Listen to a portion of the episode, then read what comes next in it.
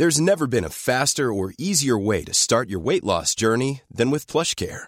PlushCare accepts most insurance plans and gives you online access to board-certified physicians who can prescribe FDA-approved weight loss medications like Wigovi and Zepbound for those who qualify. Take charge of your health and speak with a board-certified physician about a weight loss plan that's right for you. Get started today at plushcare.com slash weight loss. That's plushcare.com slash weight loss. plushcare.com slash weight loss. There's never been a faster or easier way to start your weight loss journey than with PlushCare. PlushCare accepts most insurance plans and gives you online access to board-certified physicians who can prescribe FDA-approved weight loss medications like Wigovi and Zepbound for those who qualify. Take charge of your health and speak with a board-certified physician about a weight loss plan that's right for you. Get started today at plushcare.com slash weight loss. That's plushcare.com slash weight loss. plushcare.com slash weight loss.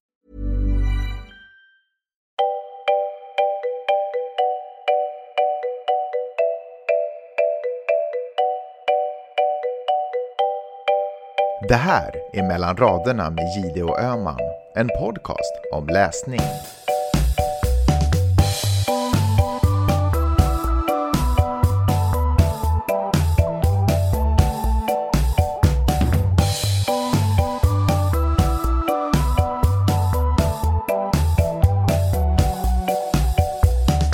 Karin, är det, är det sant? Är det du och jag i podden? Alltså, jag är typ nästan lite blyg att titta på dig här på Facetime för att det var så länge sedan vi sågs. Eh, men- Fy fan vad kul. Vi ser exakt likadana ut också. Vi har typ likadana kläder, glasögon och eh, Frisyr? ja, frisyr, det vill säga en sån här skurgumstofs. Eh, men självklart också jättesnygga och glamorösa på alla sätt. Ja, det är vi väl alltid. Jag antar att man utgår från det. Ja, men du, hur mår du? Ja, men jag mår eh, faktiskt jättebra. Jag har eh, varit ute och, och surfat en sväng och eh, jag har bra läsflow efter eh, bokmässan i Göteborg så att allt är... Jag skickade in mitt eh, manus till Norstedts. Och så det... Nej men det, allt känns ganska bra just nu. Det låter ju helt underbart. Vad, berätta om eh, ditt läsflow. Ja, men jag, kom ju, jag kom ju hem från eh, Göteborg med en hög böcker och, eh, och jag tror det började egentligen före, eh, precis innan mässan, då får man ju en massa böcker man ska läsa för jag modererar ganska många samtal och då kom jag in Alltså jag tänker att, att, att läsa är lite som träning. Man kan, om man har haft en paus så kan det kännas motigt, men så fort man kommer in och får lite fart så då, ja, men då kommer man in i en rytm. Så då bara läst, ja, men då läste jag. Just nu läser jag, eller jag lyssnar på Jonas Hassan Kemiris Systrarna som jag tycker otroligt mycket om. Varför då? Den, är, den hoppar liksom mellan New York och eh, Stockholm och den hoppar mellan tidsperioder. Och det börjar på, jag tror den börjar på 90-talet och sen tar det sig in i liksom 2000-talet. Men den är så... eh, Jag vet, den är... Det handlar om vänskap och, och systerskap och vad man tror att ska bli och sen blir det kanske inte alls som man tror att det ska bli. Och, eh, och jag tycker om att eh, det är ett sånt... Eh, det handlar lite om Jonas Hassan Khemiri själv, liksom. det finns en jag-person där och det är ju såklart fiktivt men det är väl också inte fiktivt.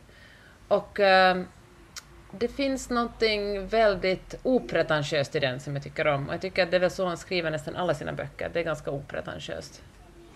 Men har han en sån här speciell språkdräkt i den här boken som Nej. sticker ut? Vet du, det har han faktiskt inte. Och det var var faktiskt... Nej, och jag tycker det är ganska skönt och befriande att han är en författare som eh, kan skriva i olika stilar. Du vet, man talar mycket om att, att författare ska hitta sin egen röst eller sin egen ton och, eller sitt eget språk. Och jag tycker att uh, Jonas Hassan Khemiri har en förmåga att ha visat att en riktigt skicklig författare kan ha flera olika sådana. Det, det tycker jag är coolt. Otroligt coolt. Men du, eh, berätta också lite om, eh, vi kan gå tillbaka till ditt läsflow sen, men jag kom ju precis på att jag måste ju höra hur det var att träffa David Lagerkrans på Bokmässan. Eftersom det är min stora crush i livet. Alltså, vet du vad? Jag tror att bara för att det är din stora crush, är det ungefär blivit min crush också, för att jag, gör ju sam, jag vill ju samma sak som du. Och ehm, för ett år sedan på Bokmässan satt jag, samma, satt jag i samma... Alltså vi satt på scenen Limousin. med... jag i limousin. Nej, vänta, vänta. Satt jag i samma... Alltså på en scen, vad heter det? Jag modererade, alltså samma diskussion som Malou von Sivers. Vad vet jag? Soffa? Ja, med soffa. Ja. Och, ja. och så visade det sig att Malou och jag, vi blev kompisar för hon är ju en otrolig kvinna. Alltså hon är, du känner ju henne också lite. Hon är så varm och, och smart och trevlig och så åkte vi tåg tillsammans hem och, och sen har vi haft lite kontakt. Och nu på årets uh, bokmässa så hittade vi varandra genast och liksom åt frukost, frukost tillsammans och hon kom och lyssnade när jag var nervös inför något samtal jag skulle moderera och det var otroligt sympatiskt. Och uh, när det var dags för Norstedts förlagsmiddag, då träffades vi i lobbyn, tog en drink och så började det komma människor. Det kom Eva Gedin, Jessica Gedin, alltså um, Helena von Zweiberg och uh, David Lagerkrans. Nej, men, ja. Och uh, Malou är sån, hon bara, hon presenterar den för alla. Hon är också, var det bara, bara adliga människor som kom? Gud, ja. Jag var, förutom jag då. Alla andra hette Du bara, Peppe von Öhman. Gud, ja, där fick man... Ja, det sa mycket om mig. Ja, finländaren med ett vanligt namn. Och så beställde någon en bil och sen plötsligt satt jag i samma taxi som hela det här gänget. Och eh, då, samma dag hade Expressen publicerat en krönika som David Lagerkrans hade skrivit och han hade raljerat raljera kring deckare liksom. Och också för att han ju själv skriver deckare alltså.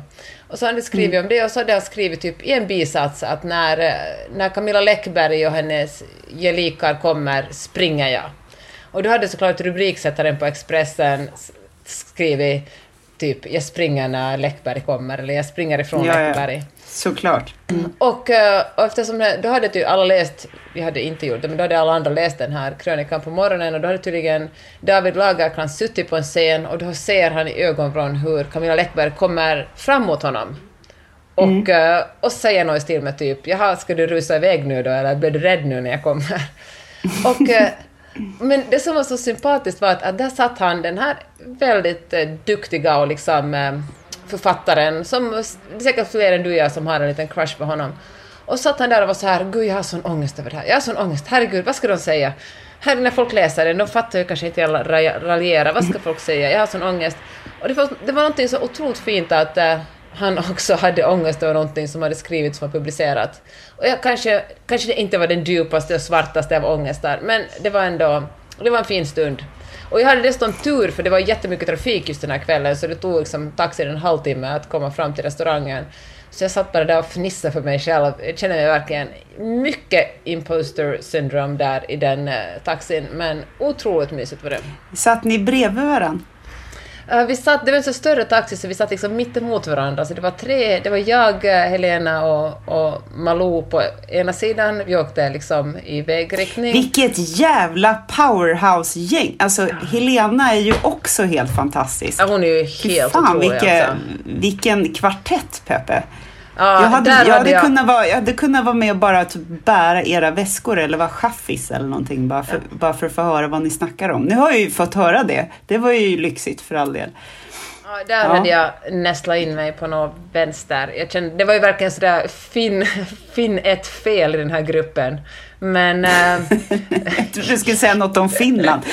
nej, men... Äh, nej, vad fan. De behöver ju ha någon, en snygg surfare som äh, bor i LA och bara är allmänt cool. Det, det måste mm. de ju ha, annars blir det för, det blir för mycket svenska panassen här. Nej, men fy fan vad kul. Jag, jag gillar verkligen, verkligen Helena von Swagberg också, som sagt. Um, så att, um, men uh, du, det där, med, det där med deckare och Läckberg och allt det här, det blev ju också såklart en snackis på mm. bokmässan mm. som, det alltid, som det alltid blir. Uh, och vissa röster, uh, det, det, blev såklart också den här ful mot fin kultur och bla bla bla. och är eh, den här knausgårdifieringen av eh, litteraturen, den här navelskådande autofiktionen som eh, många ägnar sig åt. Det är bra eller dåligt var det ena och det andra var ju det här eh, deckarspåret, att det blir liksom för... Eh, Ja, vad, det blir för klyschigt helt enkelt. Att vi, lä- vi kan inte ens läsa med eftertanke längre för allting är så storydrivet. Har, är det det? har jag fattat rätt? Helt rätt. Och vet du, den diskussionen tog sig till Finland och, och liksom det var, och har skrivits om i Hufvudstadsbladet. Flera olika röster har liksom skrivit om och, och om, eh, så, nu kommer jag inte ihåg, var det Ylva Perea som är en jätteduktig litteraturkritiker och kulturredaktör på Hufvudstadsbladet. Jag tror att det var hon som skrev någonting om att eh, litteraturen ska eh, utmana och föra med sig någonting nytt. Och hon sa att alltså, det kan ju för det, hon tyckte att det var för enkelt att bara liksom dela in det i deckare och icke-deckare. Typ så här deckare och, och romance är skit och allt annat är bra. För det är ju väldigt trubbigt. Och hon sa att, och det kan jag verkligen hålla med henne om, att det kan ju verkligen finnas jätte, jättebra deckare med ett otroligt språk. Men det hon också skrev var att eh, när allting ska vara så utmejslat, dramaturgiskt skrivet, så man liksom... Så det... Att, det, att språket liksom kommer på andra plats. Det är främst historien som ska berättas istället för språket. Och, eh, och det är ju såklart både, både och. Alltså nu är det ju också att, att dra till, att, nu drar jag liksom extremer, men jag kan förstå vad hon menar, att, att när en författare skriver något oväntat, någonting som man kanske provocerar en, eller något som man aldrig har tänkt på tidigare, det är på något sätt det som för litteraturen och, och ens egen tankeverksamhet framåt. Det är det som stimulerar en och gör en sådär på något sätt fortsättningsvis intelle- intellektuellt nyfiken. Du skickade ju förresten också en krönika till mig häromdagen som handlar om exakt det. Att liksom bli på något sätt mentalt utmanad. Och att... eh, Och, och, och jag tycker den här diskussionen tog lite avstamp i det att det kanske inte är så många deckare som gör det. Och det just nu väljer förlagen att satsa på litteratur som säljer jättemycket men som också bara är liksom bara underhållning. Och Ja, det- men där- precis. Det här var Kristoffer eh, Ahlström, heter han? va? Ahlström va? i DN som skrev om att hans, han vill ha en... Han önskar att han hade en vanlig 50-årskris där man typ bara vill ha en dyr bil eller, eller vad det nu var eller och hålla på och bygga, bygga trall eller något sånt där. Men, men han längtar efter, det är så fin formulering, samtal som man kan luta sig in i. Alltså, han längtar efter djup, själslig djup och, och, och när, mänsklig närhet. Och det här var liksom i, vad ska vi säga, snabba underhållning, kris och AI tidevarv. Så att, men det, det, det speglar ju tidsandan. Det, det, det går ju parallellt med den här diskussionen om litteratur och även tv-mediet och även vad som görs i Hollywood, det är bara remakes och nu gör AI allting. Att det finns liksom de här ehm, den här splittringen. Å ena hållet så finns det en längtan hos människan efter det andliga, det, det, det, det nära, liksom.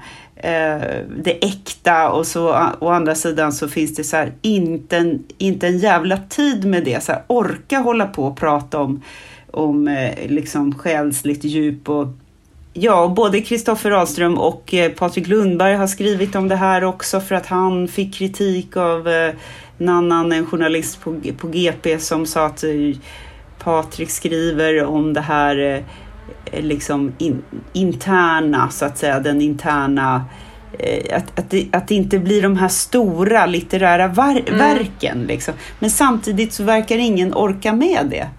Så det, det är som att folk går och längtar men det är ingen i praktiken som köper de här romanerna och tittar på de här filmerna. Eller ingen, det är i alla fall väldigt, väldigt få. Ehm, Men, men jag tänker också, allt kan väl heller inte vara så marknadsstyrt. Alltså det som säljer mest är faktiskt inte alltid bäst. Och jag tänker att vi på något sätt lurats in i det. Den som har flest följare på Instagram, den är bäst. Och den film som säljer mest biljetter, den är bäst. Eller den, den deckare som, har, som säljs till flest länder, den vinner. Det är på något sätt otroligt deppigt att, att ha en sån uh, världssyn. Frå- Frågan är om den världssynen är- och att vi är ännu mer ängsliga för det här FOMO-grejen än vad vi någonsin har varit i och med att man alltid kan se Ja men gud, nu ska alla läsa eh, Anders Hansen typ och prata om hjärnor ena månaden och an, tredje, tre månader senare ska alla hålla på med någon jävla periodisk fasta och sen tre månader till, åh nu måste vi göra något annat. Och, och då så måste man liksom haka på så att den här succén som blir eh, den, den rullar på av sig själv och till slut är det ingen som ens ifrågasätter mm. om, om det fortfarande är bra, liksom den här serien som är inne på sin, sin sjunde, åttonde säsong. För att det är liksom etablerat. Det där är så intressant när man i efterhand tittar på något sånt där som var superhypat och bara men gud, det här var ju inte så jävla bra. Liksom. Varför satt vi klistrade vid det här? Ja, alla andra gör det. Och men, men, så kan du, det vara. Mm. Jag läste någonstans en, och när jag säger läste kan jag också ha sett det här på TikTok, full disclosure.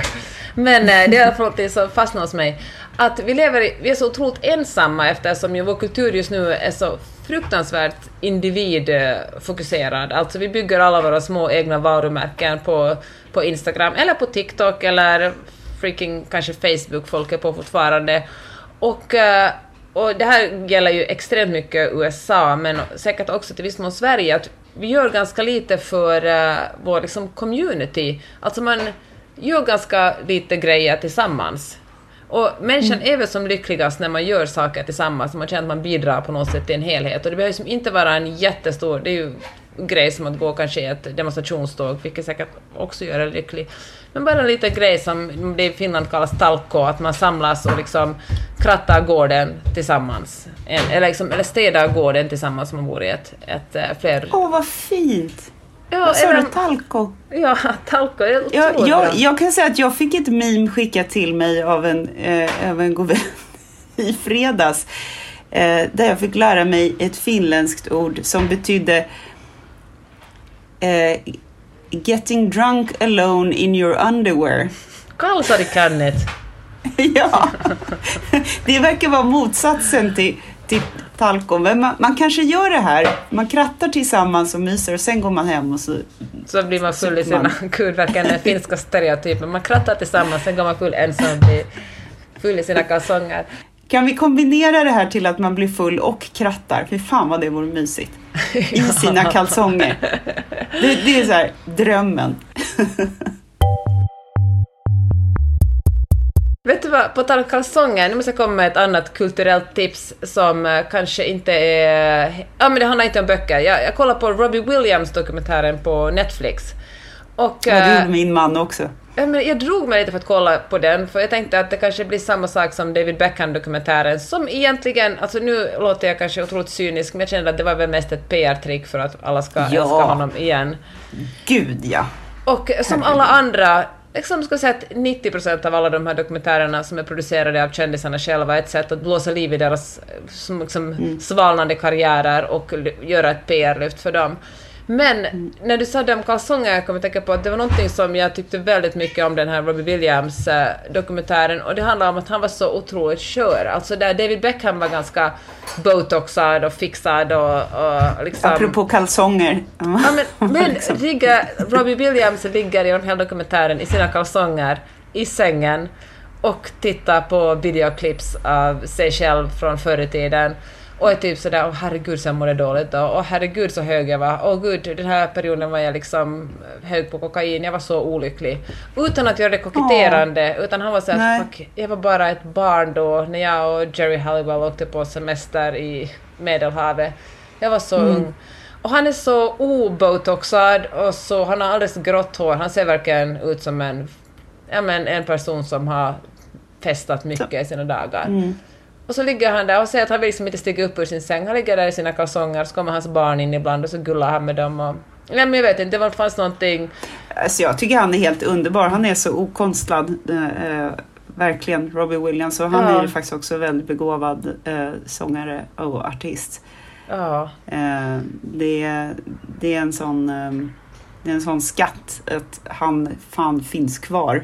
Ja. Och inte, inte dog liksom, Verkligen. av allt det här. Ja. Och så är det också otroligt ja, hur musiken, alltså så starkt det är musik som verkligen kan skjutsa en tillbaka. Man hör liksom mm. de första låten av Angels eller Millennium. Mm. Eller, eller man... Let Me Entertain ja. You när han liksom gör det där på Wembley. Och han, jag har aldrig sett någon äga en scen på det Nej. sättet. Man får sån jäkla gåshud alltså. Alltså bara vi talar om det känner jag hur det bara, ja alltså det, hela kroppen bara, nej det, det är fint. Så den vill jag tipsa om. Det är, en, det är mysigt att kolla på den.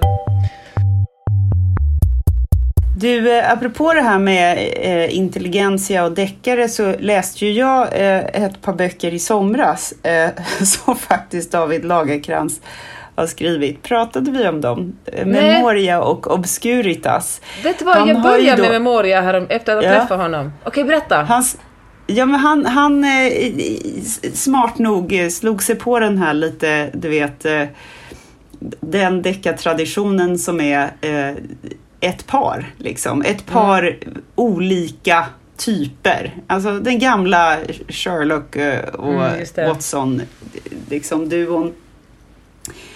Och eh, det galna, galna geniet i det här fallet är en snubbe som heter Hans Räcke som bor på Östermalm och kommer från en dyr familj och är vansinnigt, vansinnigt intelligent och eh, tablettmissbrukare och eh, väldigt själsligt eh, eh, splittrad. Eh, Så att det gör ju att det bygger ju in en spänning i sig det där när man, all, när man ska, man kan ju aldrig lita på missbrukare så att man vet ju att han kommer ju fucka upp det liksom och han kommer säkert fucka upp det när det är och sen så är han så vansinnigt briljant när han är det liksom. Och han är dessutom såklart oerhört musikalisk och eh, spelar piano, han är en gammal konsertpianist och han kan allting och han är sådär, ja men du vet som den här Sherlock Holmes eh, med, med Benedict eh, Cumberbatch, den Mm, just brittiska serien.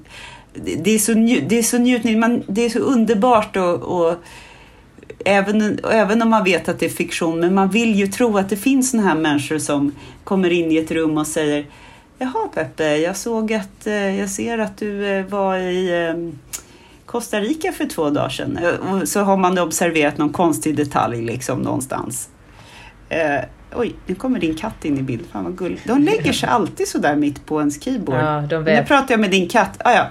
Men eh, nu får du lyssna här lilla katten. Ehm, och den andra i duon ehm, heter eh, Vargas. Nu kommer jag inte ihåg vad hon heter i förnamn. Men Räcke och Vargas. Och hon är då en tuff polis från orten helt enkelt. Helt enkelt. Vars eh, storebror naturligtvis är gängkriminell och, och det är liksom en massa slitningar där. Och de där två är väldigt, eh, det är liksom det här osannolika paret. Eh, och sen så hittar de varann och sen kompletterar de varann och sådär. Och jag tycker det funkar asbra och jag tycker att han, jag älskar ju de här referenserna till eh, eh konst och musik som Lagerkrans eh, är så bra på. Att Mm. eh, liksom, man, lär, man lär sig hela tiden om hur något speciellt eh, stycke spelas eller ja, hur, någon detalj i någon, något musikinstrument eller hur man, ja. Så att eh, jag hade stor behållning av dem där. Och en heter Memoria, en heter Obscurita. Så det där kommer bli en det kommer ju bli en serie där. Det kommer väl säkert fler. Antar jag. Så det är ett tips. Men tack, Om man, vill, om man gillar deckare men vill ha den smarta deckaren. Men fan vilket bra tips. Alltså som sagt börjar jag läsa Memoria nu och det är så skönt att du Mm. eh, förklarar den för mig för jag har bara läst några kapitel precis innan jag ska somna. Så skönt att du lade basen nu för vem som är vem i den här historien. Eh, jag tänkte på det du sa att alltså jag, eh, på Bokmässan intervjuade jag Jenny Colgan, Jojo Moyes och Lisa Jewell i olika konstellationer. Och eh, jag var supernervös för att jag inte skulle kunna prata engelska förresten. Det var, jag var verkligen så stressad över det, att jag sitter där på scenen och plötsligt kan jag inte ställa en Mm. Men kom du ihåg när du och jag gjorde Crime Time Gotland? Ja! Då, då intervjuade jag tror jag Jenny Colgan och jag vet inte om Jag det var, tror det. Jojo Moyes kanske var där, jag vet inte. Men ja, det känns som det var samma. Ja. Och, eh, men då, två saker. Ett, det visar sig att de här kvinnorna har en eh, bokklubb tillsammans. Alltså en, skriv, en skrivklubb som de har haft Mhm. i nästan 20 år. Alltså innan någon av dem blev så här miljonsäljande författare, hade de tillsammans peppat varandra i den här gruppen. Visst är Mm. Det fan vad fint. otroligt? Det är så coolt. De är så enorma, alltså de är ju de största brittiska författarna och de har liksom, nej men, funnits där från varandra när man har fått sina manus refuserade och liksom kanske inte sålt så bra. Otroligt coolt. Och eh, en annan sak som jag tog med mig från den här, eh, en av de här diskussionerna var att eh, Lisa Jewell sa att när hon skriver böcker skriver hon böckerna strategiskt. Hon skriver för att de ska sälja jättebra, jättebra, jättebra. Och, mm. äh, och jag tänkte att det var på något sätt både inspirerande och nej, inte deppigt, men jag tänker att det är ju exakt motsatsen till det som efterlyses nu av så här, litteraturkritiker och kanske kulturredaktörer som säger att, att kulturen och litteraturen måste få vara mer än bara underhållning. Och jag fattar, båda ska såklart kunna existera och det är liksom förlagens uppgift, antar jag, liksom att, att ta in både sånt som kanske är traditionellt höglitterärt och nytt och sånt som bara säljer massor och som bara är underhållning. Och bättre att folk, nu slår jag in öppna dörrar här, men bättre att folk liksom läser underhållning, att de inte läser någonting alls. Men, äh, men jag vet, alltså det, det, det var något som kittlade mig när hon sa att jag skriver strategiskt, jag skriver för att de ska sälja jättemycket. Mm. Det är väldigt befriande. Eh, mm. Jag, jag, jag, brukar lyssna på den här podden Gynning och Berg då och då. Mm. Jag lyssnar på den liksom i perioder och den är satans rolig. Det är faktiskt ett tips som, ja, bara vi garva helt enkelt. Och de, eh, Carolina Gynning är också så underbart oängslig som konstnär. Hon är bara så här, ja ah, men det här är ju mina bästsäljare, det är ju den här Slice of Life och den här andra bla bla bla. Men nu, nu eh, har jag gjort en ny serie här ehm, eh, där jag står i Chanel dräkt och pullar mot ett träd i skogen. Och då tror min mamma, tycker min mamma, jag kan ju inte härma hennes skånska, men det blir, allt blir roligare på hennes skånska. Men och hon tycker så här, men Carolina, det där kan du ju inte göra, för det där kommer ju inte säga. Jo, men då tänker jag så här, jo. Och så har hon liksom ett helt resonemang där, att hon kan, det är lite Billgren, det är liksom eh, lite korsning med, eh, jag, jag, vet inte, hon droppade några andra samtida konstnärer. Och så här, det var liksom ett kommersiellt koncept samtidigt som det var en ja, men någon typ av samhällskommentar eller någon typ av... Eh, mm. Men hon sa, men det måste inte vara så jävla noga, man behöver inte förklara. Liksom. Kan det inte bara få vara en, en, en, en tjej som står i Chanel-dräkt och onanerar mot ett träd bara för att hon var lite stressad? Ja, ja. Släpp äh, trädpullandet fritt liksom. Ja, Hela avsnittet heter Krispullen, det tycker jag är så roligt. Att det är så här, de berättade att de hade någon tv-producent som var så här, Ja men flickor, nu kan ni gå hem och ta nu ett redigt glas vin och dra en bra jävla pull och sov lite grann och så tar vi nya tag imorgon. Jag älskar det. Jobbigt. Ja, det var lite avvikelse från ämnet, men detta om eh, oängsligt konstnärskap tycker det är så underbart. Jag får lite, jag, jag känner mig liksom det här jag blev så imponerad på av när jag var yngre, de här svåra mm. eh, konstnärerna och, och jazzsångerskor som sa tre ord och, och, och liksom eh, författare som tittade ut i tomma intet, var krypt, vägrade vara med i intervju. Alltså, jag tyckte det var jätteimponerande. Nu tycker jag bara att det är så jävla töntigt. Lägg av! Nej, jag håller verkligen med. Alltså, så jävla pretentiöst. Det blir liksom lätt lite kejsarens nya kläder. Alltså... Det sagt kan jag säga, alltså, att känna någon slags självförtroende i sitt eget skapande tycker jag är så, så svårt. Alltså, jag kämpar jättemycket med det. Jag tycker det är svårt att säga fy fan vad bra det här blev. Och jag tänker att inte ens tio år i USA, som verkligen är landet som tycker att allt de gör är fantastiskt, har fått mig att uh, känna en trygghet i mitt eget skapande. Men då ska du lyssna på Carolina. Det är så jävla härligt. Hon bara, det här är bra. Det här är så jävla bra. Ja. Det här, det här är, det är I'm too big for Sweden. Ja. I'm too big for Sweden. Ja, det ska ja. jag tänka. Ja, nej men, och, och det, det är ju lätt att tro att folk tycker att man är dryg eller så, men jag tror att många tycker att det är rätt härligt att höra. Bara man inte tar, alltså säger man det fast på ett sätt att, på ett, vad ska jag säga, att det gäller väl att ha den där kombinationen att man vet att man kan, att man kan driva med sig själv och man vet att man mm. gör bort Man tycker ändå att de här sakerna gör jag jävligt bra, helt enkelt. Det, det tänker jag, det ska bli min nya grej. Det är ju tråkigt att jag inte ja. är konstnär då, men jag får väl skryta om något annat. Du skriver böcker. Ingen kan medieträna som jag. Ingen kan medieträna som jag. Fy fan vad bra, jag älskar det. Jag vill att det står på Instagram som bio. Selling a little or a lot? Shopify helps you do your thing however you cha-ching. Shopify is the global commerce platform that helps you sell at every stage of your business. From the launch your online shop stage to the first real life store stage, all the way to the did we just hit a million orders stage. Shopify is there to help you grow. Shopify helps you turn browsers into buyers with the internet's best converting checkout. 36% better on average compared to other leading commerce platforms because businesses that grow grow with Shopify. Get a $1 per month trial period at Shopify.com slash work. Shopify.com slash work. There's never been a faster or easier way to start your weight loss journey than with PlushCare. PlushCare accepts most insurance plans and gives you online access to board-certified physicians who can prescribe FDA-approved weight loss medications like Wigovi and Zepbound for those who qualify.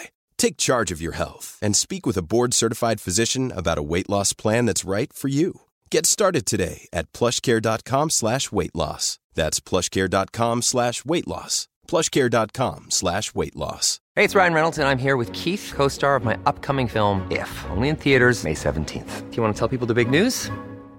All right, I'll do it. Sign up now and you'll get unlimited for $15 a month in six months of Paramount Plus Essential Plan on us. Mintmobile.com slash switch. Upfront payment of $45 equivalent to $15 per month. Unlimited over 40 gigabytes per month. Face lower speeds. Videos at 480p. Active Mint customers by 531.24 get six months of Paramount Plus Essential Plan. Auto renews after six months. Offer ends May 31st, 2024. Separate Paramount Plus registration required. Terms and conditions apply if rated PG. Jag tänkte, det här är en produktutveckling av min, mitt eh, mediumtränarskap. Jag ska bli medium också. Och så ska bolaget heta, jag byta namn då från Jihde Media AB till Jihde Medium AB. Och så har jag liksom en sån här sittning med någon jävla generaldirektör och bara och så sitter vi där och så pratar vi och, och, och, så ska jag prata om huvudbudskap och sen så kommer liksom Spirit in och så blir jag som den där Long Island Medium. Har du sett henne på Discovery? Nej. Väldigt kul. Gått massa säsonger. She's, she's like a, she's a medium, she's from Long Island and she's a, she's a, och det är så här morsa som går runt där och har jättestort hår och är så här superbrudig liksom och hon är tydligen då väldigt skicklig medium och pratar med spirit hela tiden när hon går runt där på Men- snabbköpen och haffar folk. Alltså, jag Sån gick ju ska jag till bli. ett medium för två veckor sedan. Du eller jag? Jag? Alltså... Du! För Ja. jag gjorde också det! Va? Skojar du? Är det sant? De Okej, kanske du pratade först. med varandra. du eller jag. Okej, vi, vi gjorde tydligen båda det omedvetna om Ja, varandra. Fy fan vad roligt. Ja, jag Men vad sa ditt medium då? Nej men hon sa massa spännande saker eh, om, eh, jag kommer inte på någonting bara för det. Nej men det var lite om eh, olika före detta liv eh, experiences. Jag har naturligtvis varit häxa, det är ju ingen som Ja, eh, inte tror något sånt. Eh, Det vet alla. Eh, nej men och även nunna faktiskt Jaha. dock. Så att du ser, lite håller man på sig. Eh, nej men och också stjärnskådare har också. Så, ja, men det var i alla fall en massa spirituella. Av all, hon plockade fram de före det past lives som då hade att göra med eh, det, det spirituella med universum och den kopplingen. Sen har jag säkert varit typ bonde på Östgötaslätten i resten av alla mina liv eller något sånt. Men men. Och sen pratar hon om lite olika döda släktingar som kommer och hälsa på ibland. Och sen pratade hon om min utveckling och vad som skulle ske i mitt liv här fram till i, eh, i maj. Väldigt specifikt. Och sen lite om barnen och... Eh, nu ska vi se. Och, jo, sådana här... Eh, eh, vad heter det? Andliga eh, guider som man har med sig. Ja, och vad sa din? Ja. Nej men min var, alltså det var min kompis Tamara vars hästar jag rider som tog med mig på ett, en sån här reading och då var vi 20 personer i bakrummet i en liten sån inredningsaffär i The Valley och, ehm, och så han, Tim Brown hette han och han är så specialiserad på att eh, öppna upp mellan liksom den andra sidan och eh, och eh, det vi lever i just nu. Och uh, så gick han runt och var sådär, du där, Jerry, visst heter du Jerry, Eh, har du någon i din närhet som har dött i en heroinöverdos? I så fall kommer han nu, och så visade det sig, och så började Jerry gråta och säga att ja, min bror. Och sen eh, säger bron liksom, häls, hälsar brorsan någonting till honom. Så är någon annan Åh, vad svärmor och, Ja. Och, eh, och jag, jag pendlar ju mellan att vara otroligt skeptisk att vara så att det här är bara en jättebra manipulatör, till att vara så där men hur det är så detaljerat, hur kan han veta sådana detaljer? Och, eh, och precis innan, det här var liksom en, en två timmar lång grej, han han gick verkligen inte fram till alla utan kanske två tredjedelar och då tänkte jag att äsch, jag kommer inte att få en reading. Så kommer han fram till mig och säger så här, you, you're a healer, you're like me, we're both Det healers. fick jag också höra! Va? Jag fick också höra att jag var healer. Ja! Du är också en healer, är det sant? Ja! ja. Mm, Healerpodden. Nu blir det liksom Gide och Öman eh, mellan världarna. Det ockulta.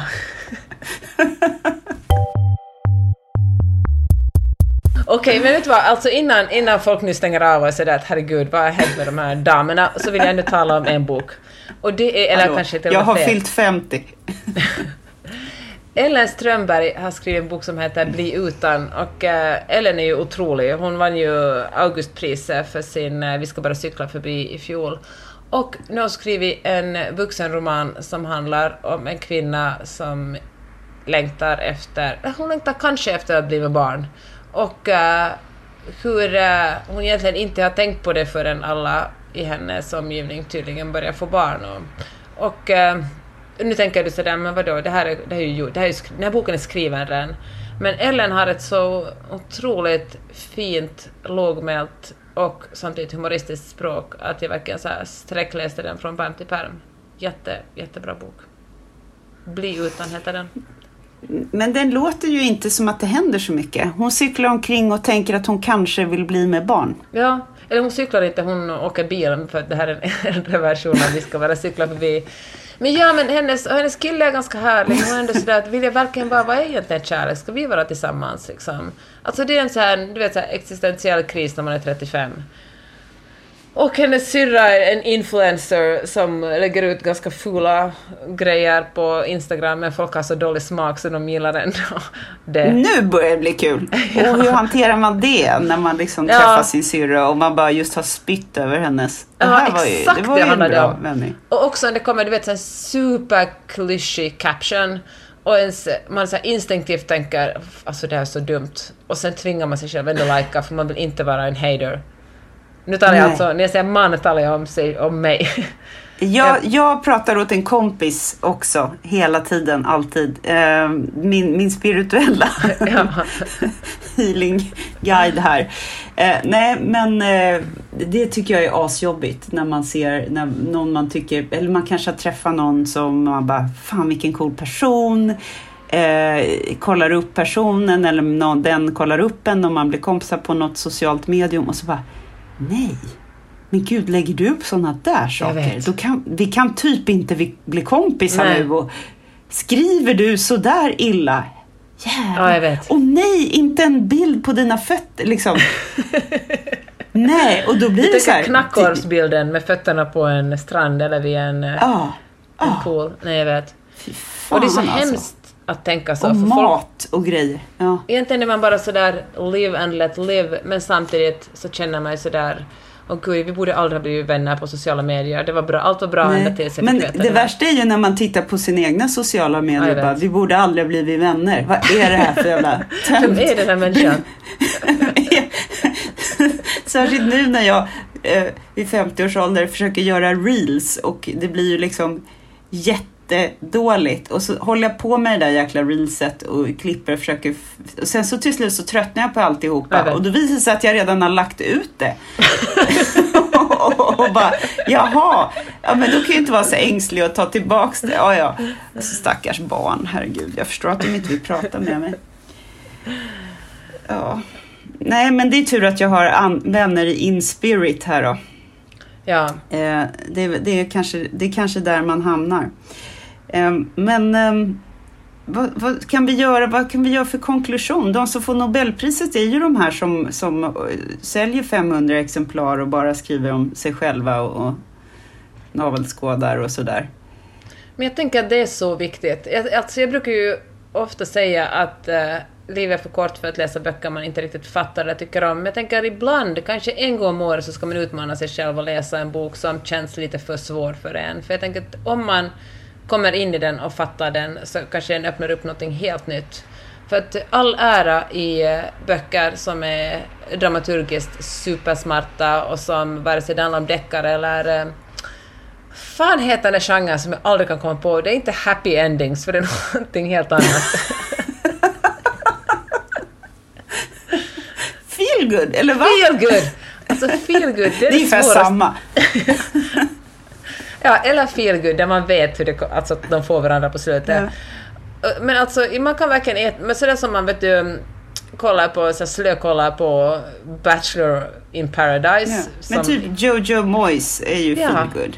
Men Exakt, det ja. är, inte, alltså, det är möjligen ganska tråkigt. Nu kände inte jag henne och hon kommer inte att höra den här podden. Så jag kan ju vara ärlig och säga att det, det, det är ju inte så att det rister till i kroppen när man Nej. läser. Men det, är liksom, det passerar förbi och det är inte, det är inte dåligt på Nej. något sätt. Nej, Alltså, det- hon, hon, hon, kan, hon kan ju skriva bra. Men Verkligen. det känns också som att hon verkligen vet hur man skriver böcker som säljer som fan. Det, Ja. det, är, liksom, det är väl det de pratar om i den här skrivklubben. Ja. Exakt, hur skriver man strategiskt? Och jag kan verkligen, det är Mm. väl jätte, jättebra. Men att man som läsare, typ en gång om året tar man en bok som är kanske en nobelprisvinnare eller bara någonting, någon klassiker. Och är bara sådär, fuck it, nu läser jag den här. Nu går jag på djupet liksom. Dyker in i den djupa änden av poolen och ser om jag kommer ut lite smartare. För vem vet, kanske det öppnar upp någonting.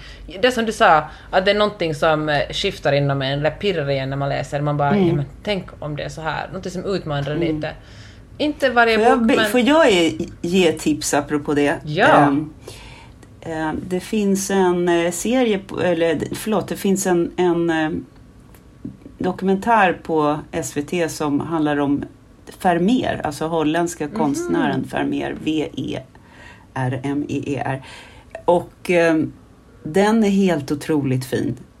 Min, min man och jag gjorde det där, liksom, nej, vi ska inte kolla på ja, vad det nu var, någon av alla serier, du vet, ikväll. Mm. Utan vi ska, vi ska kolla på den här Vermeer. Jag älskar den där konstnären. Jag kan bli helt besatt av, av hans bilder och jag har läst en massa Ja, men du vet hur jag kan nörda ner mig. Jag har Mm. läst liksom långa ess- essäer som handlar om hur just de här symbolerna i hans tavlor eh, handlar om det, kvi- eh, kvinnlig sexualitet och vad de berättar för historier och sådana saker. Och det är ju en osannolikt skicklig konstnär. Eh, De flesta känner ju till den där flickan med pärlörhänge och så, men det finns ju massa andra. Men den här dokumentären handlar om olika eh, kuratorer och eh, eh, Vermeer-experter, bland annat på det här Rijksmuseum i Amsterdam, där de där holländarna hänger många, men också i det eh, om det var, jo den här eh, som ligger i, i Washington DC, det här stora, oh, fan jag har ju varit där, vad heter det? Ah, ja, det i alla fall stora museet, där hänger det några. Och lite runt om i världen och så ska de ordna en utställning och så ska de klura på om de här tavlorna, alla de här tavlorna är hans eller inte, om det råder något tvivel. Så det blir liksom som ett litet drama i det där och det är olika experter som lite käbblar om det där. Men det fina i allt det här, det är när de här lite äldre männen som har ägnat hela sitt liv åt den här konsten, de börjar gråta när de pratar om den här konsten. För då, det är sån här lång, det är liksom så här slow tv, det är liksom långa, långa klipp. Och, och, och, och journalisten frågar, hur, berätta, hur, hur började allting? Ja, men jag var en liten pojke och så gick jag in på, på det här, ja, den här konsten, det här museet och så satt jag mig ner och det var den här bilden och och, och så ser man hur hela liksom ansiktet bara skrynklar och så, så ska de liksom... Men de kan inte hålla emot känslan. Det är så jävla fint när konsten griper tag. Och då blir man ju själv alldeles rörd. Och då börjar man ju själv tänka på så här... Konsten i sig. Jag, jag kan bli rörd av att tänka på, på konsten i sig. Alltså en upplevelse så. Att, att vi har att, att konsten finns, att litteraturen finns, att, att man kan gå, fortfarande gå från en konsert och vara alldeles så uppfylld av det där. Och vad är det tillståndet? Det är ju någonting spirituellt apropå det med Mm. det. Och det är ju så jävla viktigt att vi får en dos av det där. Men jag tror Peter och jag gick runt och pratade om den där eh, Vermeer-historien i, i flera dagar för att vi blev liksom så drabbade av jag tror att det, det var kärleken i det. Liksom. När, man, när man pratar med folk som är så passionerade av någonting. Det kan ju för övrigt vara fågelskådning också och sånt där. Det måste inte alltid vara konst. Men människor som, som bara liksom har sett Gud i, i liksom ett, ett konstuttryck. Det, det gör mig lite kär. Liksom. Fan vad fint Karin, alltså nu måste jag se den. Det är, jag tänkte tipsa om dokumentären om La Camilla som är verkligen helt, också finns på SVT Play. som en helt annan genre. Men eh, det känns lite futtigt att komma med den nu så vi kan prata mer om det en annan gång. Men eh, Ja, tack det kan vara intressant i sig. för den här inspirationen. Mm. Nej men jag säger, man kanske också inte ska låta någon slags eh, högkultur så här, gatekeepa kulturen, utan bara gå in på... Vi har alltså, vi har som tema i Friday Lab, mitt kvinnonätverk, har vi kultur nu i november och då är, då är liksom utmaningen att man ska göra, man ska göra något kulturellt varje vecka och så var det en, en, en medlem som berättade att hon köpte ett sånt här museikort som man kan köpa i Finland och så får man gå gratis på alla museer. Och eh, det har ni väl i sig annars också i, i Stockholm. Men hon sa att ibland går hon in bara och så kollar hon på träkonstverk och så går hon hem. Och bara det att, att liksom... Åh, vad härligt. Jag menar vilken otrolig inspiration det är att, man inte behöver göra det så stort utan allt kan göras i mycket mindre format än vad man själv tror. Man måste liksom inte tillbringa fem timmar på Rijksmuseum i Amsterdam utan man kan verkligen se tre målningar på Nationalmuseum eller vad Och det är jag, nästan Kiasma. bättre för man kan känna sig lite sådär, det är lite överväldigande Ja. ibland när man är eh, på de här stora museerna och bara herregud jag måste hinna dit och dit och dit och de är så stora och så ska man och, och just checka av den bilden och det blir nästan som en prestation. Mm. Oj, nu står jag framför eh, den här eh, Ja. och, och, och nu måste jag förstå den och där är de här linjerna och oj shit och så måste jag hinna. Det, det är inget bra. Det är, det är fantastiskt att, att ha den möjligheten då om man, om man råkar bo i en stad eller vara mycket i en stad där det finns, finns sådana där eh, liksom tillfällen bara. Och det gör ju jag och ändå så. Ja, nej, men jag var ju ändå på RuPaul dagen efter där för mer. Eh, det, var, det, var, det var ingen större upplevelse så. Det var konstnärligt sett, men det var ju kul på andra sätt. Och sen så var jag på faktiskt på Hamlet eh, med Silvana Imam Jaha. som går nu på Stadsteatern. Det var också jävligt kul eh, och jag är ju Shakespeare-nörd Mm. liksom. Så det var det var att återse, återse Ofelia var ju underbart Fint. faktiskt. Ja, men framför de här kulturdejterna. Kom du ihåg att jag höll på gick på sådana min man där förra, Ja. förra våren eller förra hösten. Vi ska ta upp dem igen för att nu har jag börjat kulturdejta med några kompisar istället. Men bara man är ett litet gäng och sen så turas man om att Mm. boka nästa grej. Då kommer man iväg på sånt där. Det är så lyxigt när någon annan har bokat det för en också. Som, någon säger jag fixar det här, det här, kom till den här platsen, det här, den här klock, det här klockslaget. Det är ju underbart skönt att inte vara tvungen att ordna allt själv. Men ska vi säga så? Att vi eh, bestämmer att vi ska kulturdejta. Tyvärr kan Ja. vi inte dejta varandra eftersom vi bor på olika kontinenter. Men eh, till nästa gång så ska vi ha Ja, gjort någon sån där grej. Tycker jag. okej, det är bestämt. Hörni, eh, ja, det var det. Det, var liksom, eh, det känns som en, en ny start på Mellan raderna på den. Det tycker jag. Okej, då kör vi. Hörni, tack för att ni har lyssnat och för att ni har haft tålamod med den här pausen. Men eh, nu händer det, nu börjar det. Vi hörs eh, nästa vecka. Puss och kram. Hej då Karin. Hej då! Du har lyssnat på Mellan raderna med Gide och Öman. En podcast om läsning med programledarna Karin Gide och Jeanette Öman. Glöm inte att du kan mejla dem på mellanraderna-podden snabel-a gmail.com.